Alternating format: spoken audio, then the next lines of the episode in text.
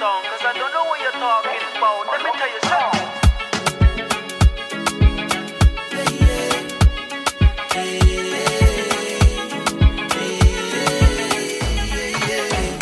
Yes, Carolien, bedankt dat ik hier mag zijn. Oké. Dit is de, de eerste keer voor mij in Deventer. Het schijnt een fantastische stad te zijn, Ja. ehm, met oude musea en ook schitterende monumenten. Klopt. Eh, maar goed, daar ben ik niet, eh, niet voor in Deventer, maar ik ben hier voor jou. Hoe is het? Goed. Wat betekent dat? Nou, dat ik me lichamelijk fit voel, dat ik eh, hmm, me psychisch goed voel, Hmm, dat er geen grote zorgen zijn. Mooi, Ja, dat straal je ook uit. mooi, dank je. Ja. Je bent psychotherapeut, Klopt. auteur van maar liefst zes boeken. Mhm. Klopt dat? Ja, klopt. Ja. Je biedt seksuologisch hulp aan Ja, en gezins- en relatietherapie, oftewel eh, systeemtherapie. ja. Eh, dat is ja, best wel wat. Mhm. Eh, ja, maar goed, wie is Carolien los van het werk dat plaatsvindt? Wie is Caroline los van? Nou, wel een energieke vrouw. Mhm. Ik ben altijd wel bezig. Ik heb altijd wel plannen. Ik ben over het algemeen wel vrolijk. Mhm. Ik ben niet erg somber of pessimistisch ingesteld.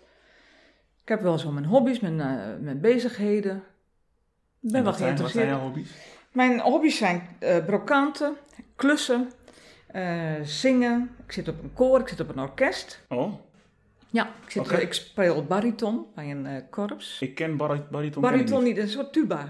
Oké, Ken je tuba? ook niet. Nee, het zijn grote blaasinstrumenten. Oké, En dan ben ik de bariton. ja. En dan speel ik in een orkest. Niet zo goed meer, want ik ben, her, ik ben ooit eh, gestopt toen ik... Want ik kom oorspronkelijk uit Friesland. Aha, En daar heb ik ooit op een, op, de- op een korps, heet dat dan, op zo'n harmonie gezeten. ja, Toen ben ik eraf gegaan toen ik in Nijmegen ging studeren. ja. En ik ben weer, eh, een paar jaar hebben we daar een huisje in Friesland. En sindsdien ben ik ook weer op het korps, ben ik weer bij de fanfare. En ik leuk. dus, ja, dat is zeker leuk, ja. Oké, dus je komt uit Friesland en je woont nu hier in Deventer. Nee, ik woon in Markelo. Oké, Ja, dat is eh, vlak bij Deventer. ja, ook voor mij niet heel bekend. Heb je zelf kinderen? Nee, heb ik niet. Oké, Mijn man heeft wel twee kinderen, Ja. volwassen kinderen. ja, En ik heb twee kleinkinderen, dus via hem. Ja. En dat is wel heel leuk. Die zijn 11 en 13. ja. Dus, eh, en daar hebben we op we mogen passen. En dus ik heb wel een beetje, ik heb wel wat kinderen in mijn leven. Ja, dat, dat moedergevoel is er natuurlijk denk ik wel. Zeker wel. Moedig geweest voor, voor velen en ook eh, met het werk dat je doet natuurlijk. Ehm laten, we bij, laten we beginnen bij het begin. En het begint voor mij bij het fantastische boek dat jij hebt geschreven. Niemands kinderen. Eh, de gevolgen en verwerking van een onveilige jeugd. Eh, ja, van alle boeken die ik heb mogen lezen, heb ik delen in dit boek het meest gedeeld met mijn directe omgeving. Oké. Ehm, ook omdat ja, iedereen in mijn omgeving natuurlijk nu ook vader en moeder Ja. is of wordt. En dan lees ik dingen en denk van ja, ik wil het toch gewoon meegeven. Mhm. Kijk maar wat je ermee doet. Ehm, ja, en geen boek heeft mij ooit zoveel kippenvel opgeleverd. Oké. Wat mooi. Ja, dus dat heb je heel goed gedaan, eh Mhm. Carolien. Het heeft mij ook bewuster gemaakt en laten inzien dat iedereen, maar echt iedereen, liefde nodig heeft. Zeker. Ik denk dat dat, ehm, Ja. dat de oplossing is. Ja. Eh, een boek waarin jij ook heel mooi beschrijft dat het niet juist verwerken van je eigen geschiedenis verschrikkelijke gevolgen kunnen Ja. hebben voor je kinderen. Klopt. Wanneer spreken we over een onveilige jeugd? Of onveilige omgeving? Ja, om een veilige omgeving. Wanneer kinderen angstig moeten zijn, eh, dat ze niet, dat ze niet krijgen wat ze nodig hebben. Verwaarlozing. Mhm. ehm, dat er dreiging is. Het kan allerlei dreiging zijn. Mhm. Scheiding kan een dreiging zijn. Onberekenbare ouders kan een dreiging zijn. Mhm. Eh, omstandigheden, nare omstandigheden zoals eh, grote zorgen van de ouders, die kunnen een, een impact hebben. Psychiatrische ouders, op de een of andere manier een soort klimaat waarin kinderen niet zich voldoende kunnen ontspannen, niet voldoende bezig kunnen zijn met zichzelf. Geen kind kunnen zijn in Ja, principe. Oké. bijvoorbeeld. Want ik hoorde je ook iets zeggen over het zorgen van, van Voor ouders. de ouder, ja, Parentificatie. zeker. Oké, Dat, de ouder, dat het kind voor de ouder moet zorgen. ja. Ja, En dat is iets dat heel veel voorkomt. zeker. Ja, klopt. Hmm. En wat voor omgeving kom jij zelf? Ik kom uit een eh, gezin van acht kinderen. Wauw, Ja, ik ben de jongste van acht. oké. En eh, mijn ouders waren ook gescheiden. Mhm. En eh, ik heb mijn vader nooit gekend. Dus ik ben zonder vader opgegroeid. Maar ik was gelukkig de jongste van acht. Dus ik ben erg eh, door de andere broers en zusters en ook door mijn moeder eh, ja, wel begeleid Mhm. en ondersteund. Dus in die zin heb ik wel een vrij veilige jeugd gehad. Ja, maar dat zou mijn volgende vraag zijn. Ja. Ehm, als je uit zo'n groot gezin komt, kan, kan het veilig zijn? Dus dat kan zeker, het kan zeker veilig zijn, omdat er altijd broers en zusters zijn die op je passen. Hè? Mm. Dus die waren wel, eh, ja, die waren betrokken en die eh, waren, ja, ik was ook nog een nakomertje, dus Mhm. eh, ze vonden het leuk, zo'n klein jong zusje. Mhm. En dus, nou, dat is wel, dat is wel goed Wel goed uitgepakt Ja, voor goed jou in dit uitgepakt. geval. Ja. Maar dan ja, doe Ja. misschien een verkeerde aanname. Heb je dan een van jouw broers of zussen die wel te maken heeft gehad met parentificatie? Ik denk dat we op de een of andere manier wel allemaal wat geparentificeerd zijn Oh ja?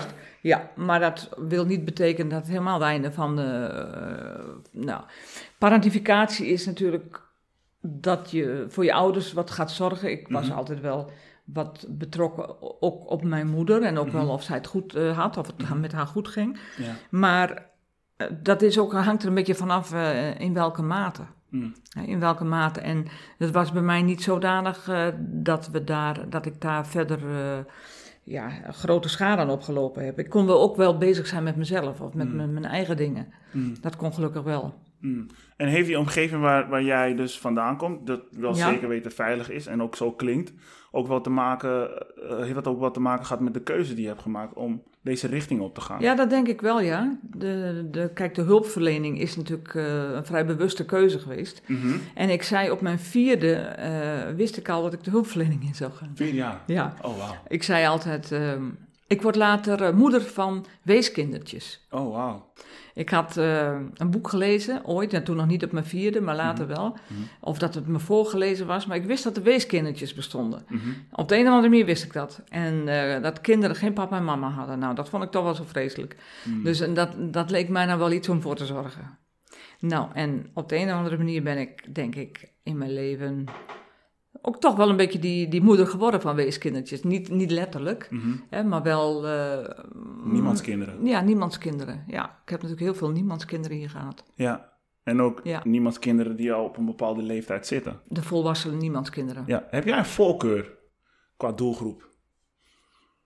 Mm, Of mag je dat niet uitspreken? jawel. Een voorkeur vind ik lastig. Ja.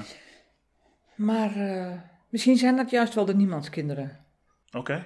De mensen die. eh, kijk, eh, ja, ik heb van alles in mijn praktijk gehad. Ja.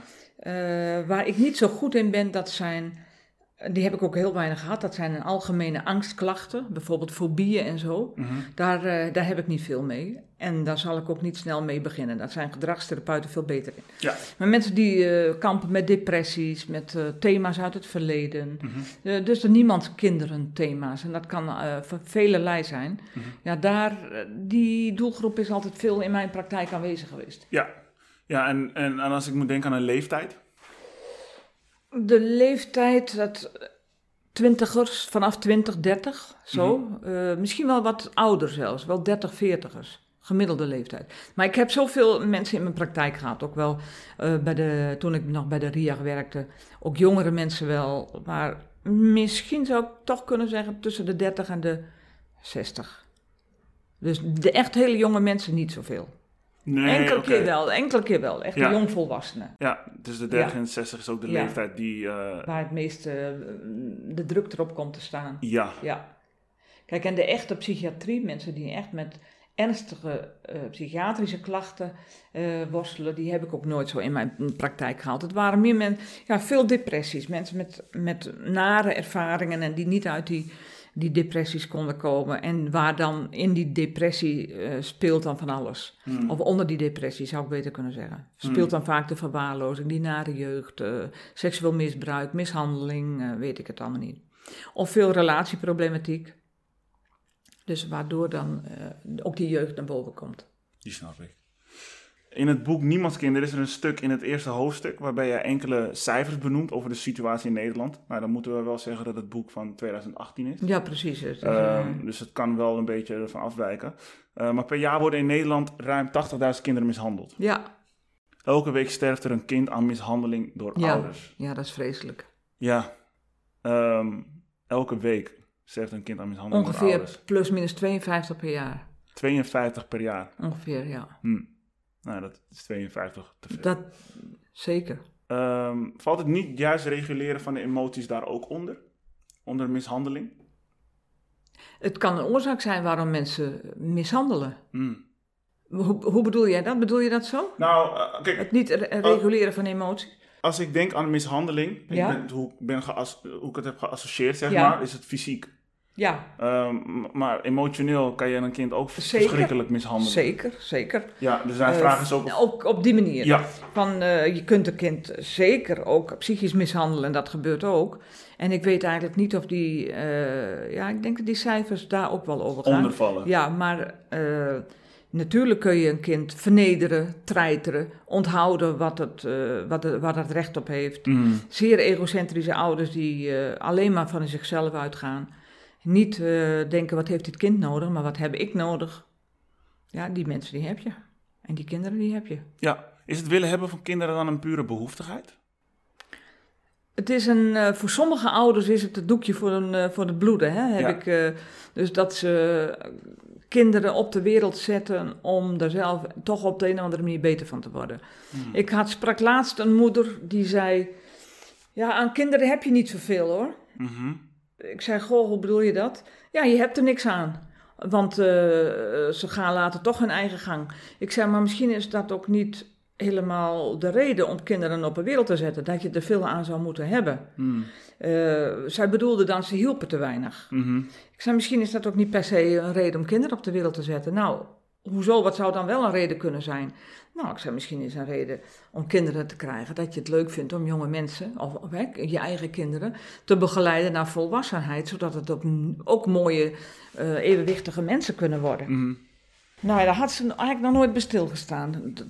Dus deze vrouw die zet met name kinderen op de wereld om Mhm. er zelf wat aan te hebben. Stond ze op dat moment wel stil?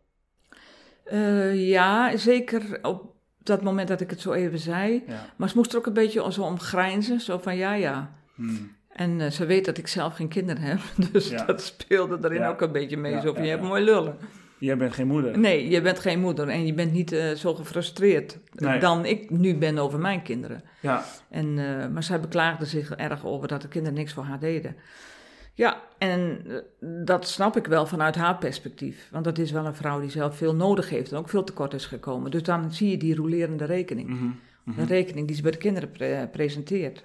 En die dat natuurlijk ergens voelen en daar misschien geen zin in hebben. Nee, En misschien is zij ook wel een rupsje nooit genoeg. Want ik, ik weet wel dat de kinderen wel wat voor haar doen.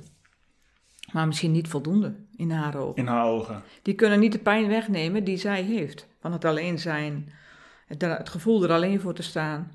Dat, eh, en kinderen brengen ook weer sores mee. En dat kan ze er natuurlijk helemaal niet bij hebben. Nee, dat, dat maakt de frustratie alleen maar groter. Ja, Oké, maar goed, je hebt wel een zaadje geplant. wie weet. Eh, dus misschien kan dat wat betekenen. Maar even terug naar de, Ja. naar de cijfers. Ehm, het advies- en meldpunt kindermishandeling krijgt elk uur een serieuze melding eh, Ja, van kindermishandeling. ja, Ehm 24 uur per dag, 365 dagen per jaar. En tot mijn grote schrik eh, vallen daar ook baby's onder van nul. ja zeker. Ja. Ongelooflijk. Ja, En voor alle 16-jarige meisjes is 8% ernstig seksueel misbruik door een familielid. ja, Eh, het aantal kindermisbruikzaken dat het Openbaar Ministerie behandelt is de laatste jaren redelijk stabiel. Dus elke dag zeven zaken, 350 dagen per jaar. Dat zijn weer zeven, ehm, eh, zeven zaken per dag te veel. Ik ben geen ideoloog en ik geloof er niet in dat je met een toverstaf het misbruik kan Nee. doen verdwijnen. Nee. Ehm, maar is straffen een oplossing om, om het gedrag te reduceren? Ik vind wel dat er, eh, eh, ik vind wel dat er eh, gestraft moet worden. Laat ik daar heel duidelijk over zijn. Waarom vind je dat? Nou, omdat ik denk dat er een duidelijke, dat het crimineel gedrag is en dat je criminaliteit niet alleen maar moet bestrijden door eh, behandeling of wat dan ook, maar dus er moet ook een straf op volgen. Je moet een duidelijke, je moet duidelijk zijn in dat je dat dat niet kan en dat er een. eh, En is straffen dan de enige manier nee, om niet dat de duidelijk- enige manier. Ik denk dat, eh, dat je altijd ook met zedendelinquenten Mhm. en eh, altijd een behandeling moet aanbieden. Dat Mhm. er ook, want dat gebeurt niet voor niks. Want heel vaak zijn toch ook weer de zedendelinquenten. Ook wel weer de niemandskinderen. Hè? De verknipte mensen.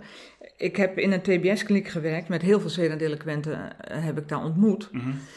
Eh, kinderverkrachters tot en met eh, vrouwenverkrachters, alles wat ertussen zat. Mhm. Ik denk, ik heb er twaalf en een half jaar gewerkt. Ik denk zeker dat ik er duizend ben tegengekomen, die ik ook eh, letterlijk de hand heb geschud en mee gepraat heb en de dossiers ken. Mhm.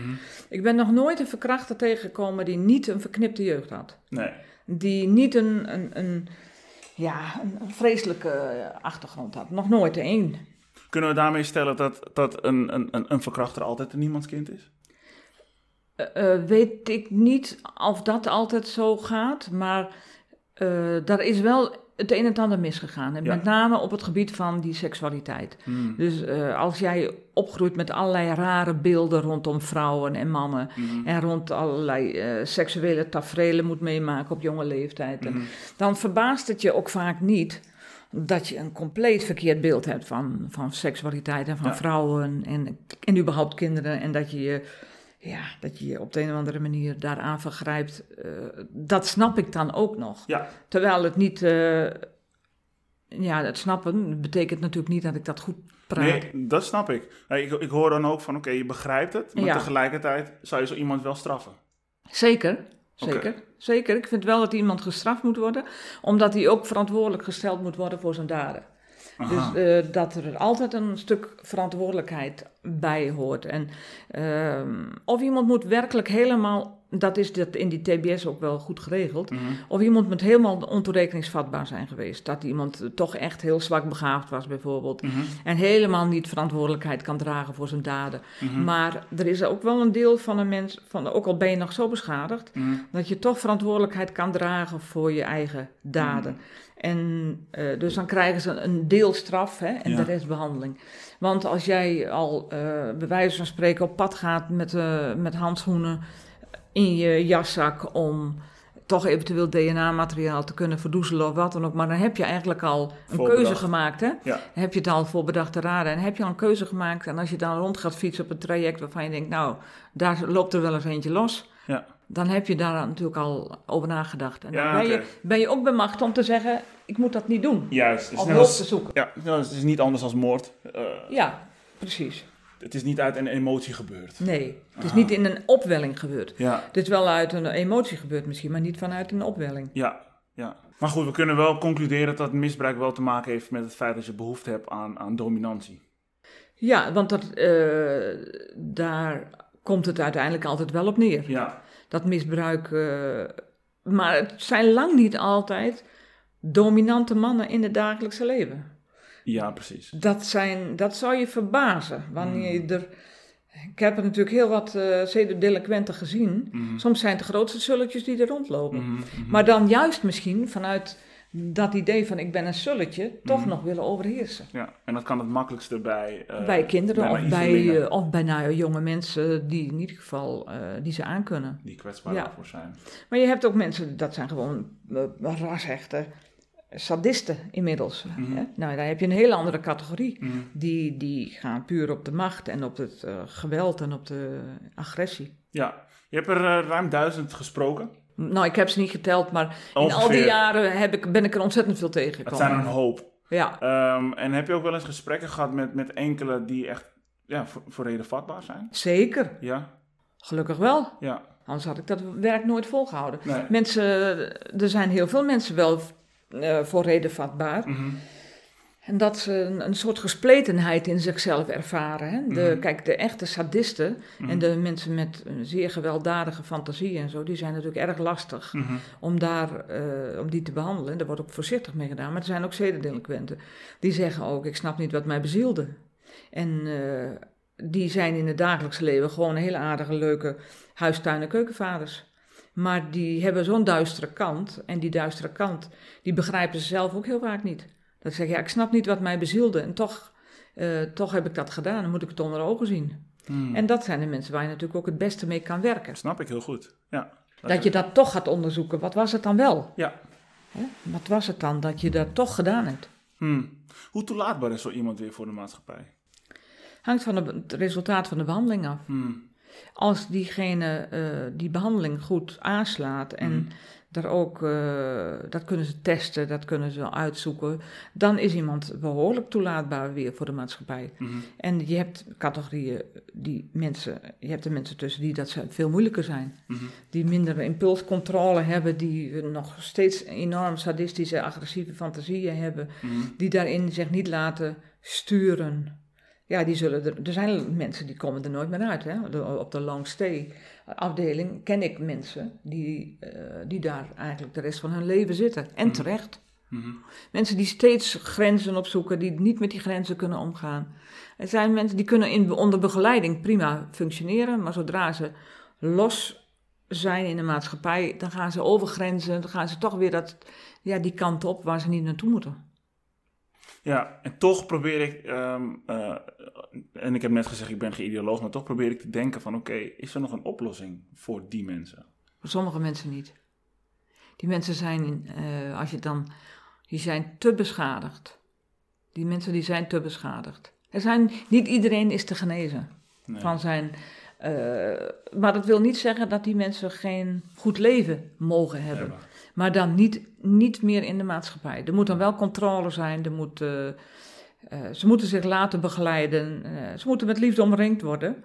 Maar ze zijn te beschadigd om, om, ja, om los te laten, om Ja. het lullig te zeggen. Die mensen die zijn er. Ik ken ze. Ja? Ja, ik ken ze zeker. En die spreek je? Of die heb je? Die heb ik gesproken, nu niet meer. Nee, ik, ken, ik heb nu mensen voor het oog, op het oog die, die op de longstay zitten. Mhm. In eh, de pompenkliniek in Nijmegen, waar ik gewerkt heb. Mhm. Die mensen, die, daar zitten er een paar mensen die ik daar nog ken. Van de tijd dat ik er zelf werkte nog. Die zitten er dus dan nu, ik ben er al dit 20 jaar weg. Die zitten er nog steeds. Mhm. Nou, het is natuurlijk een drama voor deze mensen ook. Jezus, 20 jaar. Langer al. Ja. Ja. Die zitten er al langer. Die zitten al eh 50 jaar. De oudste TBS zit. Of die nog leeft, weet ik niet. Die zit niet in de pompen. Die zat iets van 54 jaar al in de TBS-kliniek. Dus moet je nagaan. Hoe diep het zit. Ja. En hoe moeilijk het te behandelen is. Ja. Ja, en hey, 98% is, is, eh, is man die, die, die kinderen misbruiken. Zeg ik dat, zeg ik dat Eh, er zijn heel veel meer mannelijke misbruikers dan vrouwen, Vrouwen. maar er zijn zeker ook vrouwelijke misbruikers. En hoe zit het met die vrouw? Heb je daar ook eh, Daar heb ik nooit, heb ik geen ervaring mee. Bewust? Ik heb alleen maar, nee, ik heb alleen maar met mannen gewerkt. En de vrouwen die hier komen, dat zijn geen misbruikers. Mm. Ehm, Dus in de TBS-kliniek heb ik wel die eh, mannen gesproken, maar niet de vrouwen. Mhm. En ik weet dat er ook wel wat onderzoek naar gedaan is, maar ik, kom, ik weet zeker dat er ook vrouwen zijn. Mhm. En meer vrouwen dan nu bekend is. Omdat eh, dat er toch vaker minder aangifte gedaan wordt. Of eh, die vrouwen dat ook wat ja, meer nog verpakken in verzorging. En, maar ik ken van de volwassen niemandskinderen die hier komen... ken ik Mhm. zeker de verhalen dat ze ook misbruikt werden door bijvoorbeeld de vrouwen, door moeders. Ja, en dat gaat dan tijden, ook vaak als klein kind, zo tijdens de verzorging. Hè, dat ze dan later dan dachten van... eh, het was wel heel raar wat mama deed. En dan Maar minder heftig of zo. misschien minder duidelijk op dat moment misbruik. Ja. Minder duidelijk, Ja. ja, om als heel plat te zijn. Nou, ik, misschien wil je het eruit knippen als het te plat wordt. Maar ik ken bijvoorbeeld een meisje, wat, een vrouw inmiddels, die eh, gevingerd werd door haar moeder. Mhm. Voortdurend. Als kind, tijdens het wassen. Nou, eh, waar ze op dat moment als kind geen acht op sloeg, wel dacht, raar, maar verder niet, maar later. Als kind denk je volgens mij altijd dat het normaal is, zolang het geen pijn doet. Ehm, ja, dat weet ik niet of je altijd. Er is ook wel een. Misschien zijn er ook wel kinderen die ergens in hun hoofd wel voelen: dit klopt niet. Hmm. Kinderen zijn heel gevoelig voor dat het niet klopt, hè? Mhm. Maar je, je wil dat dan niet waar hebben. Mhm. Maar eh, die kinderen, die vrouw, die vond dat toen wel een beetje raar, maar wel zoiets van. Nou ja, maar later heeft ze dat duidelijk ook als seksueel misbruik herkend. En dat was het ook. Dus zo, en, en nou ja, zo, dat is dan een voorbeeld, eh, dat is dan zo'n voorbeeld. Maar kinderen hebben wel een goed gevoel over wat deugt en niet deugt, wat klopt en niet klopt. Zij voelen energieën denk ik ook wat beter dan het wij dat Ja, doen, en ook de sfeer die er dan ontstaat. Ja, dat ja. papa of mama toch een beetje anders doet, of wat raar doet, of, eh, Ja. of dat er een geheimpje is wat eigenlijk een beetje raar voelt. Hm. Dat ze er niet over mogen praten. Hm. Hey, je hebt ook nog een, eh, andere boek geschreven. Je hebt meerdere boeken geschreven, Ik- uiteraard. Eh, je hebt gekozen voor de aantrekkingskracht van foute mannen. Ja. Ja? En ik hoorde je net ook zeggen dat je meer, ehm, eh, ja, meer mannen hebt behandeld dan vrouwen. Nou, mannelijke, eh, dat is niet zo. Oké. Ik heb meer mannelijke misbruikers gesproken dan Mm, vrouwen. oké. Maar in mijn praktijk komen relatief veel meer vrouwen. Ah, oké. Ja.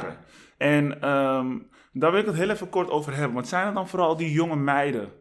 Ehm, Die op foute mannen vallen? Ja, maar niet alle jonge meiden uiteraard. Maar Nee. die dus ook eh, ja, te maken hebben gehad met misbruik.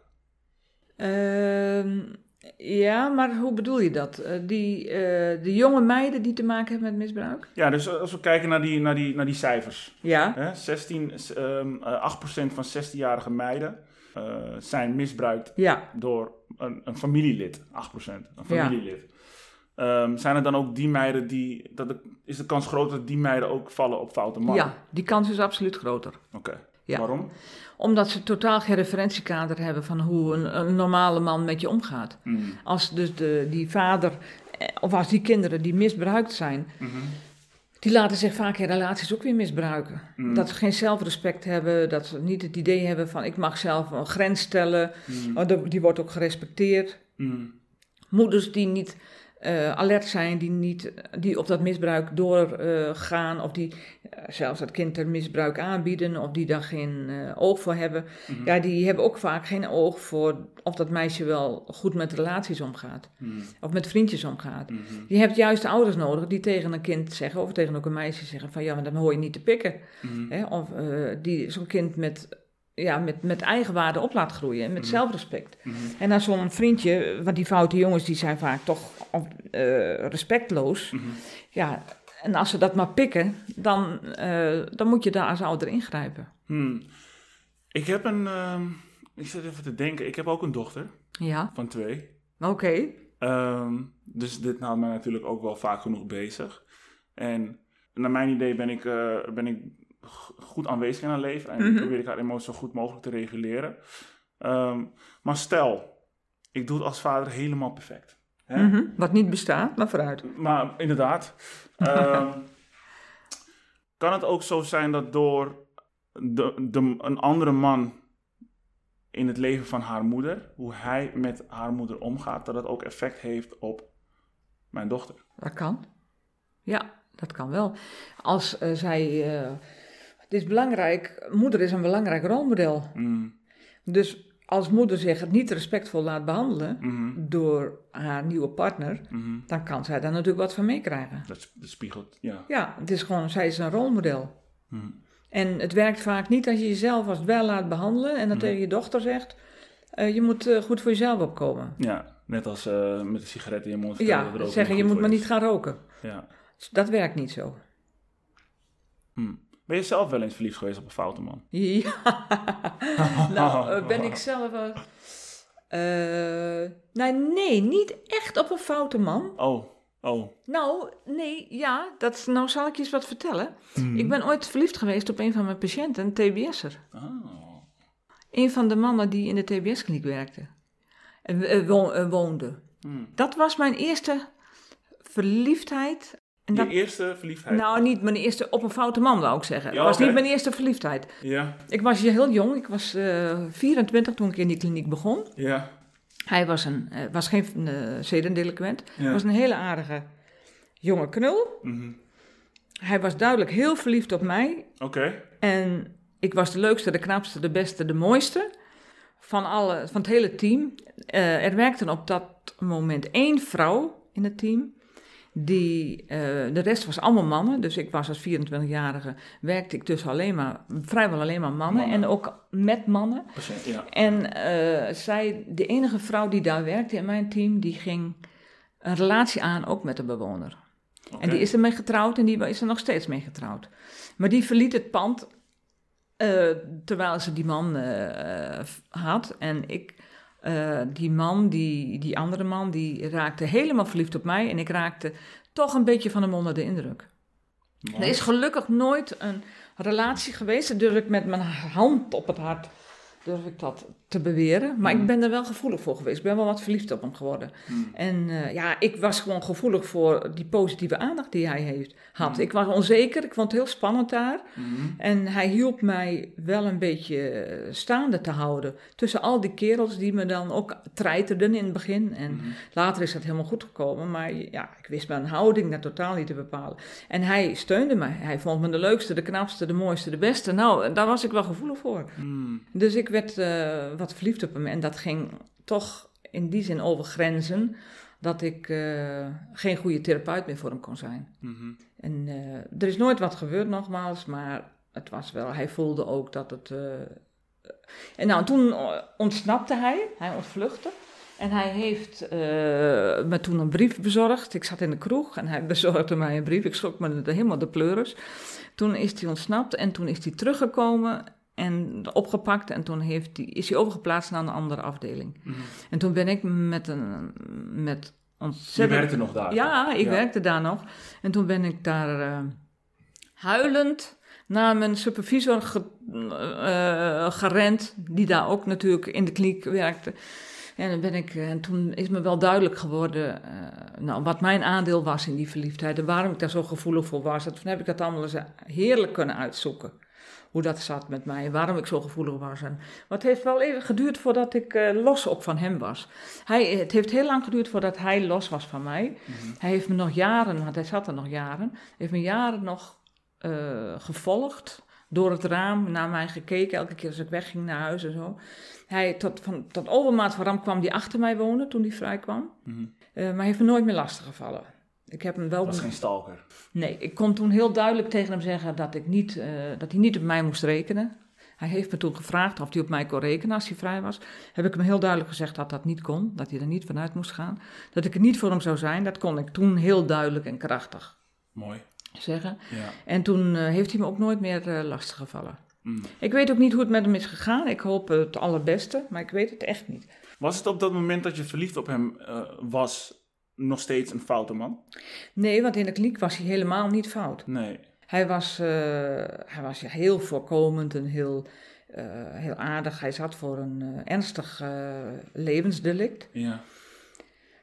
En, maar dat was ook in een relationele context gebeurd. Mhm. niet, hij had niet zijn vriendin wat aangedaan, maar hij had Mhm. iemand wat aangedaan die Mhm. zijn vriendin wat aan wilde doen. Dus een soort beschermende toestand. Maar hij, heeft, eh, hij was in die kliniek was hij niet fout. mhm. Hij was eigenlijk. eh, en we waren een beetje van dezelfde leeftijd. Dus eh, ja, hij, hij, hij, hij had me ook een beetje nodig en eh, hadden dezelfde muziek. Nou, dan weet je wel hoe dat gaat. mooie muziek draaien. En hij zat daar in die kliniek natuurlijk niet fout te zijn. Hij was de braafste jongen van de klas. Ja. Ja, en dan heb je een match.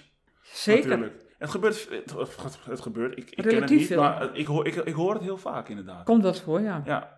En dat kan natuurlijk ook denk ik te maken hebben met nabijheidseffect. Ja. Je ziet elkaar misschien veel vaker dan dat je je eigen partner Zeker, ziet op zeker. dat moment. ja. Dus dat kan je me heel En je, goed hebt je bent intensief met elkaar bezig. Ja, ja, ja. ja, En ja. eh, je neemt ook, hij nam mij natuurlijk in vertrouwen en Ja. eh, hij pakte dat ook wel goed aan. Hij, eh, hij was een hele goede tennisser Oké. en hij mag sporten daar natuurlijk, dus hij, hij leerde me tennissen.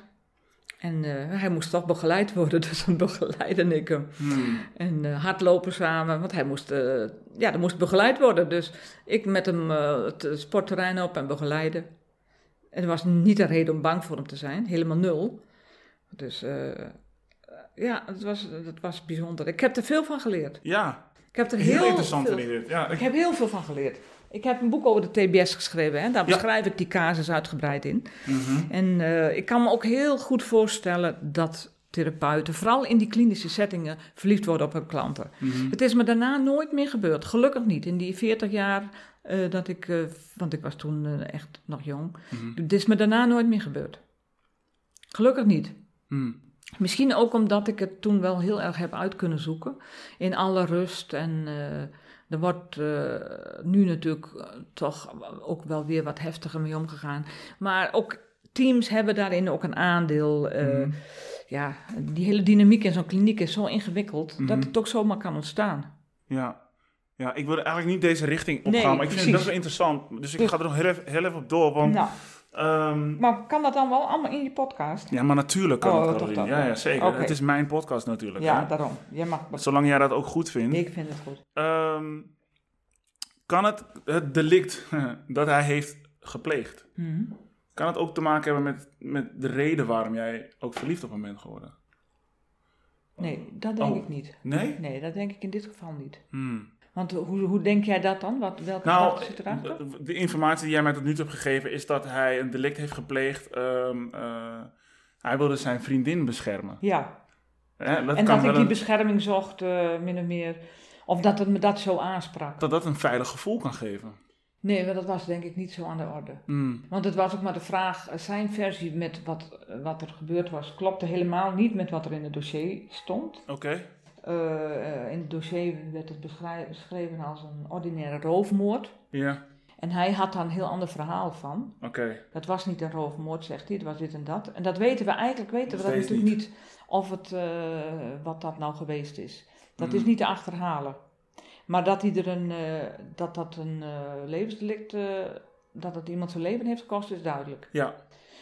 Maar wat dat, nee, ik denk het niet. Ik had zelfs op dat moment ook een relatie. Ik Mhm. woonde samen met iemand. Mhm. En eh, die relatie, die was niks mis mee. Maar Mhm. toch werd ik daar gevoelig voor.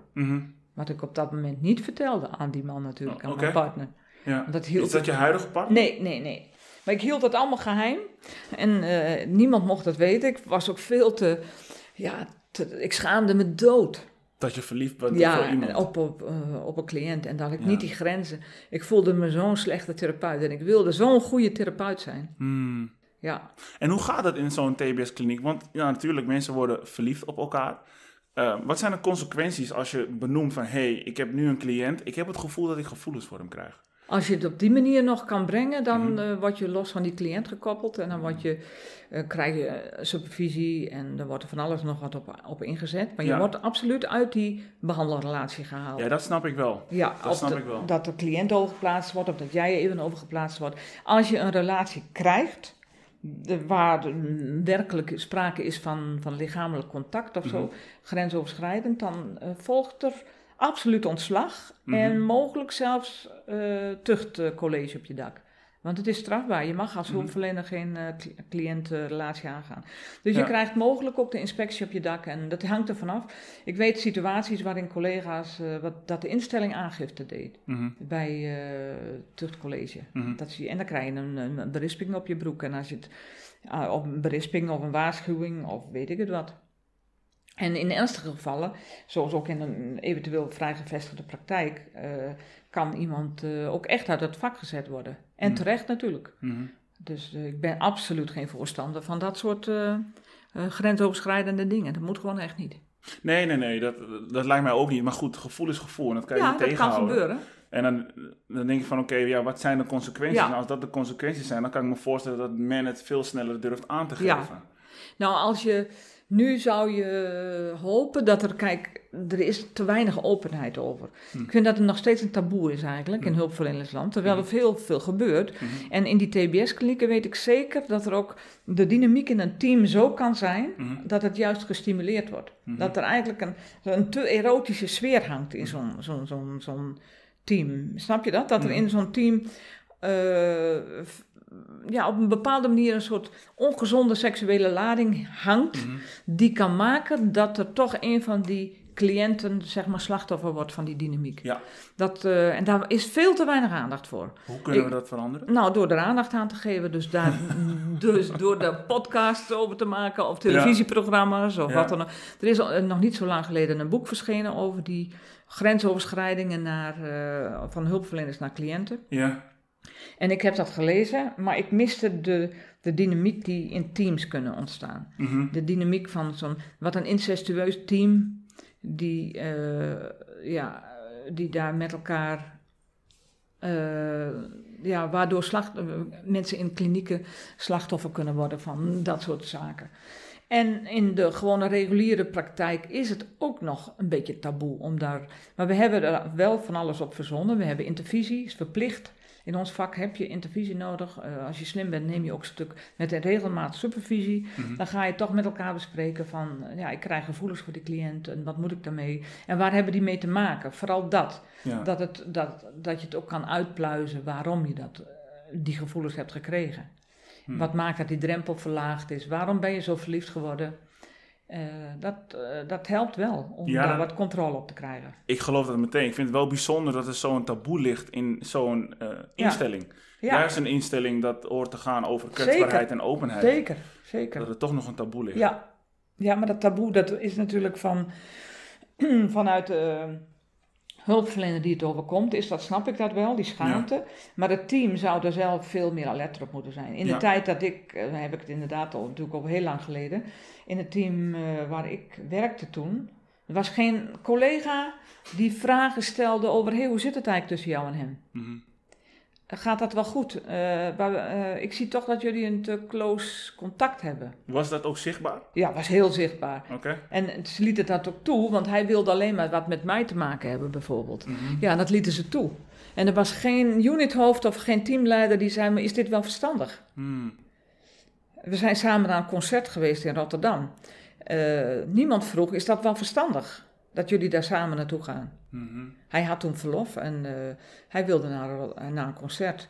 En, eh, Was dat onderdeel van jouw behandelplan? ja, of was onderdeel, onderdeel van, want je was de begeleider, dat was toen zo. Je was Ja. begeleider Ja. en tegelijkertijd ook behandelaar. Ja. Dus eh, je, ik was sociotherapeut, ik Ja. werkte daar op de groep. Ja.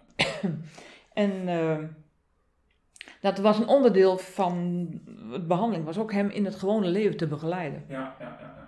En dat was prima verder. Dat was een uitstekende, Dat vond je superleuk natuurlijk. dat vond hij superleuk en dat was ook een hele leuke avond. Ja. Het was gewoon een hartstikke topavond.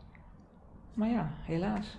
ja. Nog een andere taboe, wat, wat ook terugkomt in jouw boek natuurlijk, is dat ehm, eh, als we het hebben over onvoorwaardelijke liefde hebben voor jouw kind.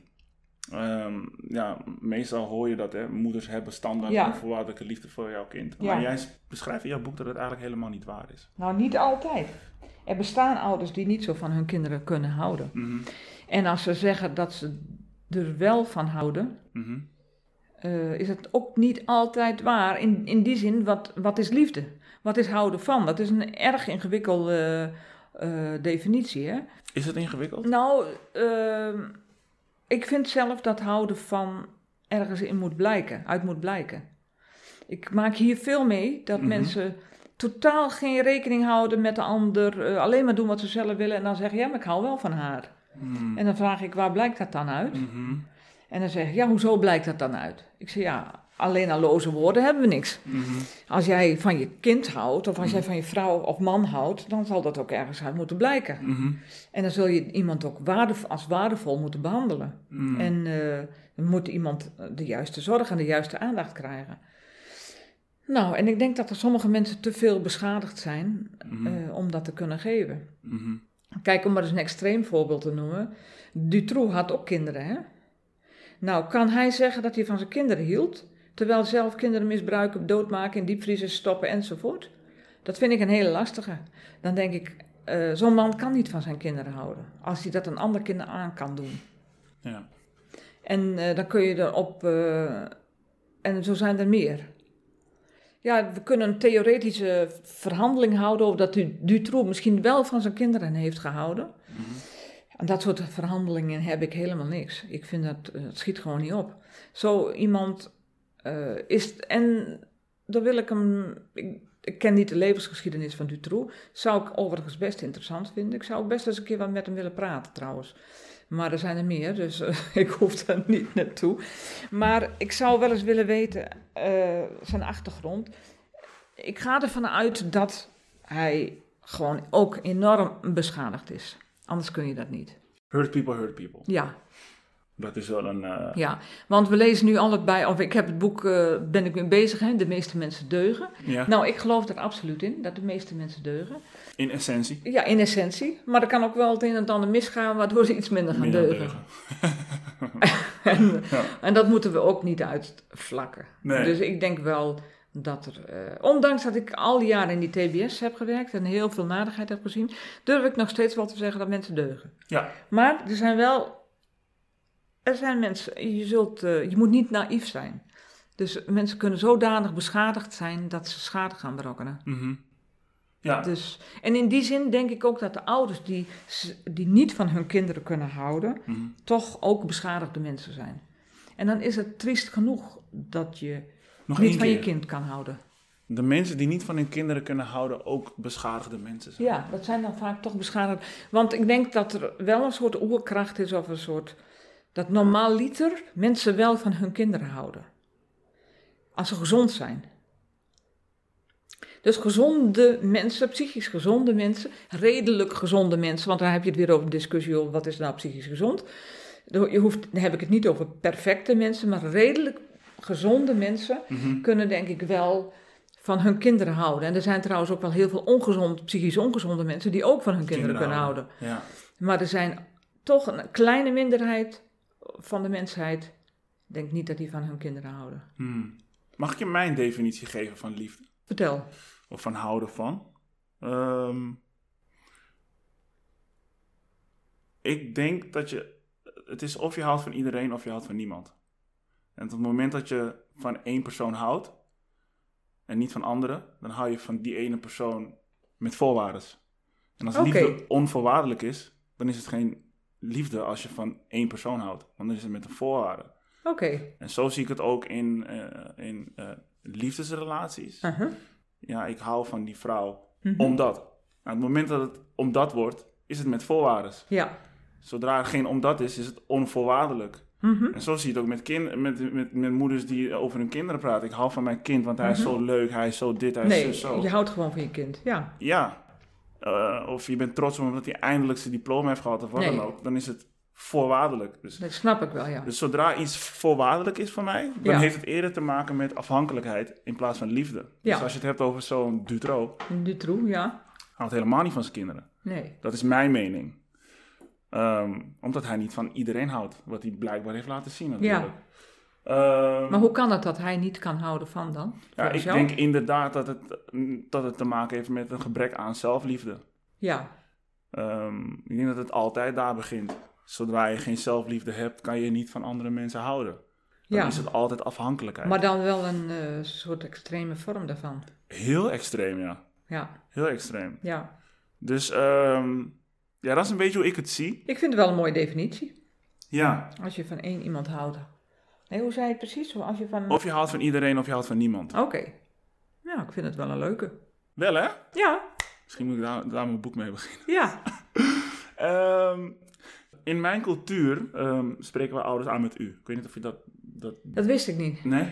Echt niet? Nee. Oh jee, oké. In ieder geval... Wij... Terwijl ik toch wel regelmatig bij Surinaamse gezinnen op bezoek ben geweest in de Oh. tijd. Ook van de TBS. Ja? Maar het is me nooit opgevallen. Oké. Hm. Maar dat maakt niet uit. Nee, maar dat is... eh, nou ja, mij natuurlijk wel. Ik ben daarmee opgegroeid. Ja. Ik, eh, ik ben opgegroeid met u zeggen tegen mijn vader en mijn moeder. Mhm. Ehm, ik zeg het nu nog steeds, het zit zo in mijn systeem. Ja, snap ik. Ik zeg dat niet meer tegen andere ouders, maar tegen mijn ouders zeg ik het wel, tegen mijn vader in dit geval, want ik Ja. heb geen contact meer met mijn moeder. Wat vind je ervan dat wij u moeten zeggen tegen onze ouders? Nou, dat mm, vind ik niet zoveel van. Ik denk, Mm. eh, dat is een beetje in de cultuur ingebakken. Mhm. Ehm, het zou, het, het is meer, eh, ik zou benieuwd zijn naar de betekenis van dat u. Waarom? Waarom zeg je u? Ja. Ja. Nou, vertel eens, waarom zeg je u? Heeft met respect te maken? N- nou, ja. In principe wel, maar Ja. genoeg jongeren zijn nog steeds respectloos tegenover Tegen- mensen waar ze u tegen zeggen. Precies. Ehm, maar ja, ik denk dat u sowieso zorgt voor ongelijkwaardigheid. Mhm. Ehm, waardoor je onbewust jezelf niet kan en durft te identificeren met een volwassene of een autoritair persoon. Oké. Ehm, dus Het- Jij vindt het niet positief? nee. nee, nee, nee, helemaal niet. Ik wil ook niet dat mijn dochter u tegen mij Nee, ik zegt. wou net zeggen, vragen. O- ja. Ook als jongerencoach, Mhm. ja, heel veel jongeren zeggen meester of u. ja. Je kan gewoon Mario zeggen, gewoon Ja. je. Ehm, want ik denk dan ook dat ik veel meer, dat het meer gelijkwaardigheid is. Ja. En als er meer gelijkwaardigheid is, kan ik ook een intiemere band creëren met die, met die Zeker. jongeren. Zeker. En die, die u in mijn geval eh, eh, ja, heeft er onbewust wel voor gezorgd dat het mij toch wel klein heeft gehouden. Ja. Het, dat kan het effect hebben. Er wordt in de eh, bepaalde kringen, wat Mhm. de, de bepaalde hogere kringen, worden ouders, worden ook hier hè, de, bij de, in Nederland zeg maar, Mhm. worden, worden ook wel mensen met u aangesproken, hè? Mhm. ouders eh, met u aangesproken. Ja, Dus dan heeft het, daar heeft het ook zeker het idee van, van respect ja. en van afstand eventueel. Ja. En, eh, En dus- ook, je gaat niet in discussie met zulke mensen. nou, dat is jammer als dat zo zou zijn. Ja, Ja, precies. dat is jammer. Ja. Ik denk niet dat dat per, se, per definitie altijd zo zou, moet, zo zou zijn. Dat als je u zegt, dat je dan niet, eh, dat je je niet zou kunnen identificeren, dat je niet eh, daarover in discussie zou kunnen gaan met mensen. Dat denk ik niet. Maar eh, ja, dat is dan ook een soort gewoonte. Net zo goed als dat kinderen voortdurend hun ouders met pap, niet met papa en mama aanspreken, maar met de voornaam. Voornaam. Oh ja? Ja, en ik, vind, ik ben een voorstander van met papa en mama aan te spreken. Ja. Omdat je ja, met voornaam, dat kan, met, dat kan Jan Alleman doen. Mhm. Hè? Maar je hebt maar één papa en je hebt maar één mama. Mhm, mhm. En ik vind het wel mooi dat iemand gewoon papa of mama zegt. Of pa, ma, of wat dan ook maar. Ja, ja. En niet eh, iemand per, per se voor de, bij de voornaam noemt. Dat, eh, dat heeft, vind ik ook wel wat voordelen. Heeft misschien ook wel een beetje te maken met dat gevoel van verhoudingen. Mhm. Maar ik ben niet je vriendje, ik ben je moeder. Hè? Of ik ben niet je vriendinnetje, maar ik ben gewoon je moeder. Ja, je, je, je hoeft mij niet met mijn voornaam Nee, te je hoeft je noemen. niet. Nee, iedereen kan me wel bij een voornaam noemen, maar eh, ja, ik ben niet je vriendin, ik ben je moeder. Vind ik wel eh, iets over, vind ik wel iets voor te zeggen. Mhm. Ik zie dat de kinderen van mijn zussen bijvoorbeeld, die noemen hun moeder soms ook bij de voornaam. Hm, ik, ik moet er altijd een beetje, moet er altijd een beetje aan wennen. De kinderen van mijn man, die zijn natuurlijk al volwassen, de ene is al dik in de veertig, die zeggen wel altijd gewoon of pa. De schoondochters dan niet, dat vind ik dan weer wat anders. Mhm. Maar, maar die zeggen dan gewoon pa. Vind ik eigenlijk wel leuk. Ja. ja, toevallig noem ik mijn vader bij zijn voornaam. Maar ik kan je niet vertellen waarom. Oké. Mijn moeder noemde ik, altijd, noemde ik gewoon mama. Maar ik heb nog nooit pa, pa of papa Nee, genoemd. nee. Nee, en mijn vader heeft ook nooit erg gevonden. Nee, Mijn vader is daar best wel makkelijk in, maar... Ja. Ja, daar hoef je ook niet op je strepen te staan daarin. Maar nou ja, dit is maar een beetje, eh, ja. Ja, ik laat een keuze met mijn dochter. Kijk, nu zegt ze Kan. mama, of nu zegt ze papa. Papa, en als ze op ja. een gegeven moment Romario zegt, ja, dan, ik vind het dan lastig. En dan helemaal als je kijkt, als ik het boek lees bijvoorbeeld, dan vind Ja. ik best wel moeilijk om, met al die informatie vind ik het toch best wel lastig om ouder te zijn. Ja, ja, dat is toch ook hartstikke lastig. Ja, Maar je moet gewoon op je gevoel afgaan. Een beetje Ja. op je gezonde verstand en gevoel. Niet te veel over nadenken en helemaal niet te veel boek over lezen. nee, nee, nee, nee, dat is, dat is, ja, dat is waar, dat is waar. Dat is, ja, dat is waar, maar inderdaad, weet je, het- soms denk ik dat het wel makkelijker zou zijn om ouder te zijn als je al die informatie niet hebt. Ja. Ik zie dat ouderschap zo dat het voortdurend een balanceren is. Dat het een balans is. Mhm. dat, het gaat heel erg over de balans. Mhm. Je moet ze beschermen, maar niet te veel beschermen. Mhm. Je moet ze stimuleren, maar weer niet te veel stimuleren. Je Ja. moet ze, ja, weet ik het wat allemaal. Hè. Het gaat voortdurend over, over balans. Je kan ze nooit te veel lief hebben, dat niet. Het is niet een kwestie van niet te veel lief hebben, maar je, het, is, het gaat heel erg over de balans. Ja, je moet ze begrenzen, daar geloof ik echt in, maar weer niet te veel begrenzen. Nou, en dat is een, eh, ja, en, en misschien is dat iets gewoon om in je achterhoofd te houden van, hoe is het met de balans? Zit ik in de balans juist? Ja, ja. Je, je, je komt over als een vrouw die een hele goede moeder zou kunnen zijn. Is het een bewuste keuze die je hebt gemaakt om eh, geen Eh, moeder te zijn? Ja, het is een een bewuste keuze omdat ik niet op dat moment de juiste partner had. Mm. En ik niet dezelfde fout wilde, of niet de fout wilde maken die ik veel om me heen zag. Ja, Ik had geen zin in een gebroken eh, situatie. Ik had een relatie op het moment dat ik eh, kinderen zou kunnen krijgen. Maar ik Mhm. vond, om eens lullig te zeggen, ik vond hem geen goede vader. Mhm. Hij had twee kinderen. Ik vond hem Mhm. geen goede vader. En ik vond hem. ehm, en ik had geen zekerheid of die relatie. Eh, Stand. als wij, stand zou houden als wij kinderen zouden krijgen. Dus ik heb daar bewust van afgezien. Wat ik wel pittig vond hoor. Mhm. Wat ik tot op de dag van vandaag nog wel pittig vind. Dat ik, ik vind het jammer dat ik geen kinderen heb gekregen. Tegelijkertijd is het ook goed. Ik had het ik heb de juiste keuze gemaakt. Maar Mhm. ik vind het wel, eh, het- is wel eens iets wat wel kan spelen. Snap ik heel goed, ja. Ja, en eh, ik vind het leuk om twee eh, kleinkinderen te hebben. En ik denk dat ik een leuke oma ben voor ze. Dat wel. Ik ben een beetje streng hoor. Het lijkt, Oh ja? ja? het lijkt alsof ik dat misschien niet dan ben. Ja, hoewel, ik heb volgens heel veel mensen een hele strenge uitstraling. Maar ik ben wel een beetje streng. Hm. Ik ben wel van. eh, ja, ik heb een aantal ideeën over opvoeding. En eh, Vertel dat eens. nou, bijvoorbeeld dat ze iets moeten leren. Dat ze moeten leren om dingen te doen die ze niet leuk vinden. Dat ze moeten leren om dingen te doen die ze niet leuk Ja, dat vind ik belangrijk. Dat zij, eh, bijvoorbeeld toen ze heel klein waren, en dan waren ze bij ons aan het, oppa- waren we aan het oppassen. eh er moest na de dag, eh, moest er even opgeruimd worden. Het speelgoed moest even opgeruimd worden. Nou, dat Mhm. vonden ze nooit leuk. Mhm. En, maar ik stond erop dat ze het deden. Mhm. En dan wel met hulp van mij. Maar het moest even gebeuren. Ze moesten het even doen. Dat hoort erbij. Het hoort erbij. Ja, Ja. dat hoort ook bij spelen, dat Ja. je je eigen spullen weer opruimt. Ja, Want ik zie wel, ook hier in mijn praktijk, dat nogal veel mensen komen die als kind nooit wat hoefden. Nooit geleerd hebben om dingen te doen die ze bijvoorbeeld niet leuk vonden. Mhm. Dus huiswerk maken is niet leuk.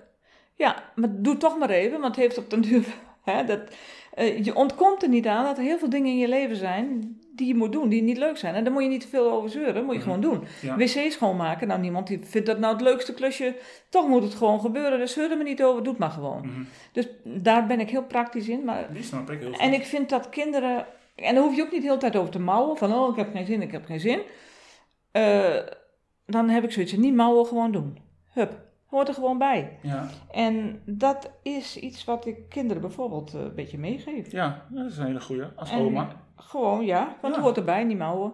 Maar ze kunnen tegelijkertijd, kan er van alles en mogen ze experimenteren en dingen uitproberen en weet ik het wat allemaal niet. Daar ben ik niet streng in en spelen. En, maar ze moeten wel dingen doen, eh, ja. Hm. We gaan hem zo afsluiten. Eh er komt een vraag bij me op die ik je toch nog heel even wil stellen. Want ik heb een dochtertje, zoals ik heb aangegeven. Ja. ik ben niet meer samen met haar moeder. Mhm. En mijn dochter heeft gelukkig niks meegekregen van een scheiding. Ehm, dus ja, die, die trauma heeft ze niet. Nee, En, en ik ga, met mijn idee ga ik best wel respectvol met haar moeder om. En haar moeder ook met mij. En dat ziet zij. ja, We zijn heel go- goed met elkaar. gelukkig. Ehm, maar ik heb wel eens een discussie met vrienden. Die dan zeggen van ja, weet je, je moet hoe dan ook altijd bij de moeder van je kind blijven. Of, je nou, of, het, nou- of het je nou ongelukkig maakt, maar puur voor jouw kind. Wat Dat geloof ik. Nee, dat, vind, dat geloof ik niet. Hm. Nee, dat denk ik niet. Ouders die elkaar niet gelukkig kunnen maken, Mhm. die moeten niet bij elkaar blijven. Mhm. Maar ik vind ook niet dat ze om elk wisselwasje weg hoeven lopen. Nee, zeker niet. Maar eh, als je niet gelukkig blij bent bij, je kin- eh, bij de moeder van je kinderen, en die moeder is dat ook niet bij jou, moet je niet blijven. Nee. Nee, ik ben niet per se tegen scheiding. Mhm. Ehm, nee, ik ben dan een voorstander van. Kijk, ik vind het heel belangrijk, partners die hebben hun ding, Mhm. maar ze blijven ouders. Mhm. Als jullie beiden investeren in goede ouders zijn naar die kinderen toe, Mhm. ja, dan, dat, dat is wel de verplichting. Dat als je samen met, met een vrouw een kind eh, krijgt, dan heb je de verplichting, vind ik, naar dat kind toe om zo goed mogelijk samen ouders te zijn. En eh, ja. Nou ja, en het leven is nou helemaal niet perfect, dus dat zal ook wel eens lastig worden. Ja, Maar ook dan hangt het er weer vanaf, waar, hoe kun je dat kind begeleiden daarin? als ouder. Maar eh, je hebt zelf als ouder ook absoluut recht op een stuk geluk en, eh, en je eigen ontwikkeling. Niet alles hoeft in teken te staan van die kinderen. Nee. Nee, nee dat, ja, dat, dat- zo sta ik er ook een beetje in. Misschien heel egoïstisch, maar ik ben als eerste verantwoordelijk voor mezelf. Ja, En daarna voor mijn dochter. Vind ik. Ehm, dus ik zeg ja verantwoordelijk voor jezelf hangt ook zo heel erg samen met de verantwoordelijkheid voor je dochter. Hmm. Dat is zo moeilijk om dat zo te scheiden, lijkt Ja. me.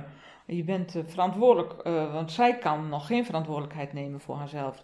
Dus, eh, maar jullie samen zijn verantwoordelijk voor het wel en wee van haar. Ja, En daar moet je alles op alles zetten om die relatie goed te houden. ja. En dat betekent wel vaak mm, afzien en volwassen gedrag.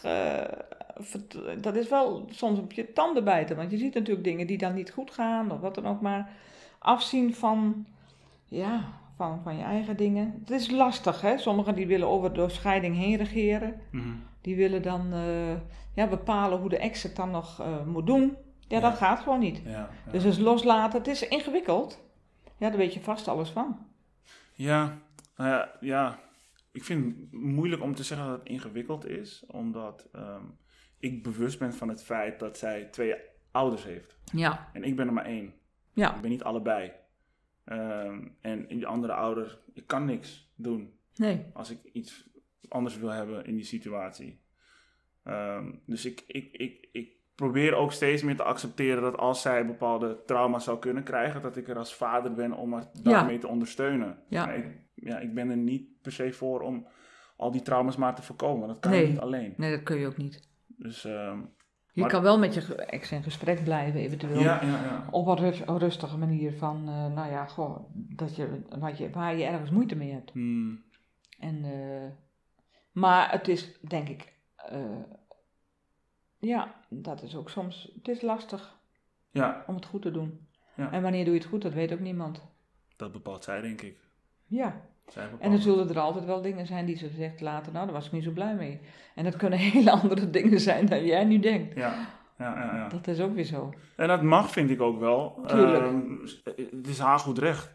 Het is haar gevoel. Ja, kijk, en mensen, eh, ik ben wat dat betreft ook wel praktisch, hè. Mhm. Het leven is natuurlijk niet één rechte streep eh, rechtuit. Het, Mhm. ook, elk mens wordt toch zo, groeit hij op. Mhm, Of door dalen en door weet ik het wat. mhm. En je kan het zo goed mogelijk doen. Dus ja, eh dat hoort ook gewoon bij het leven. Ja, ja, ja, zeker. Kinderen teleurstellingen, dat vind ik nog zo'n punt, hè. Dat je de kinderen leert eh, met teleurstellingen om te gaan. Ja, ja, ja. ja. En eh, ja, mijn kleinzoon had zich laatst verheugd op dat hij bij ons een vuurtje mocht stoken. Maar hij is 13. Nee, wat, hij is 11, zij is 13. Maar hij mocht een vuurtje stoken, hadden, ze, hadden we hem beloofd. Maar ja, toen was het 32 graden. En de hele buurt zat buiten. Dus zei ik tegen hem, ja, ik vind het nou toch niet zo handig. Ja, maar je hebt het beloofd. Ik zei, dat snap ik. Ik zei, maar je bent nu ook oud genoeg om te snappen... dat het soms wel eens iets anders uit kan pakken in het leven. Dus ik zei, toch maar liever geen vuurtje stoken nou. Ja, wat zei hij dan? Nou, dan mokt hij een beetje. Nou, dan komt hij er ook wel weer overheen. Ik zei, het ja, ik duurt niet snap, lang dat... eh, nee, ik, zeg, ik snap dat je dat niet leuk vindt. Maar ik zeg, goh, denk even na. Ik zeg, het is nou 32 graden. Hè? En Vind je het nou eh vuurtje stoken met 32 graden? De hele buurt zit buiten. Vind je het wel zelf dan zo verstandig? Nee, Ja. dat was dan ook wel zo. Ja, oké. Nou, klaar. Maar dus, ja, ik ga niet tegen hem zeggen, ja, ik heb het beloofd en dan moet dat. Ja. Hij is, hij, het is geen kind van drie meer. Hij, Nee. eh, en het is geen lolly die, die eh, onthouden wordt. Hij, sna- hij moet ook redelijk zijn. En zo, nou ja, en dat zie je ook, hè. Die moeders of vaders, die willen alles voor die kinderen wegnemen. Nou, daar ben ik niet van. Ik denk, eh, ja, laat ze dan ook maar... Laat, ga, leer maar met teleurstellingen omgaan. Ja, mooi. Mooi. We staan daar een beetje hetzelfde in, denk ik. Ehm, om het af te sluiten heb ik nog één laatste vraag. Vertel. Wat zijn jouw drie kernwaarden? Oh, man. Had dat even op, eh, voor die tijd gezegd. Wat zijn mijn drie kernwaardes? Ik, vind, ik weet niet of het een kernwaarde is, maar ehm, ik vind het heel belangrijk dat je te vertrouwen bent. Hmm. Vertrouwen vind ik een heel belangrijk iets. Mhm. In woord en daad. Je Mhm. moet niet, eh, dat vind ik heel belangrijk. Mhm. Ik vind het heel belangrijk dat je met iemand de oorlog kan winnen. Om maar eens te zeggen dat je iemand niet in de steek laat op het moment dat, je, dat die ander je nodig heeft. Dus laat ik het zo zeggen. Ik wil voor iemand te vertrouwen zijn. Ik wil eh, mezelf. Ik vind het heel belangrijk dat mensen oh, eh, denken en vinden, en dat weet ik ook dat ze dat vinden, dat je met mij de oorlog kan winnen. Dus dat je er bent voor die ander als iemand je nodig heeft. Mhm. Hè, en daar reken ik mensen ook op af. Mhm. Als, ik, als er echt iets is, wil ik, wil ik van ze op aan kunnen. Kan Mhm. ik er niet van op aan, hoeft het voor mij niet. Ik ben echt, daar ben ik heel streng in. Je moet, ik moet- moet met jou de oorlog kunnen winnen. En eh, ja, wat is die derde? Nou, ik denk loyaliteit vind ik ook heel belangrijk. Loyaliteit vind ik ook een heel groot goed. Loyaliteit waaraan? Eh, dat je loyaal bent aan de persoon tegen die tegenover je is. Hmm. Dus aan- in, in de, loyaal aan jezelf, maar ook loyaal aan de ander. Ja, Dat je loyaal bent. ja. Ja. Daar valt eerlijkheid En, en onder. eh, eerlijkheid valt daaronder, ja. Straight. Eh, niet, je, niet, niet hypocriet. En, ook wat ik gewoon heel belangrijk vind, is authentiek zijn. Hmm. Gewoon authentiek. Hoe je dan ook bent, maakt me niet uit. Maar wees wel authentiek. Wees wel wie je... Je eigen versie. Precies. Niet, Ja. de, niet, die an- niet die van een ander. Maar nou heb ik al veel meer dan drie gezegd, volgens mij. Ja, ja, maar dat is, eh, vond ik ook wel mooi. Goed om dat, eh, dat zo mee te krijgen. Nee, dat vond ik hele, hele mooie kernwaarden. Ja. Carolien, ik wil je bedanken. Niks te danken. Ik vond het een, eh, een goed gesprek. Mooi. Ik heb geleerd. Ik, ik hoop de luisteraars ook. Ehm, als ik iemand heb die eh, in contact wil komen met jou. Dan kunnen ze me vinden via de website. En dat is? www.carolineroodvoets.nl Helemaal goed. Dankjewel.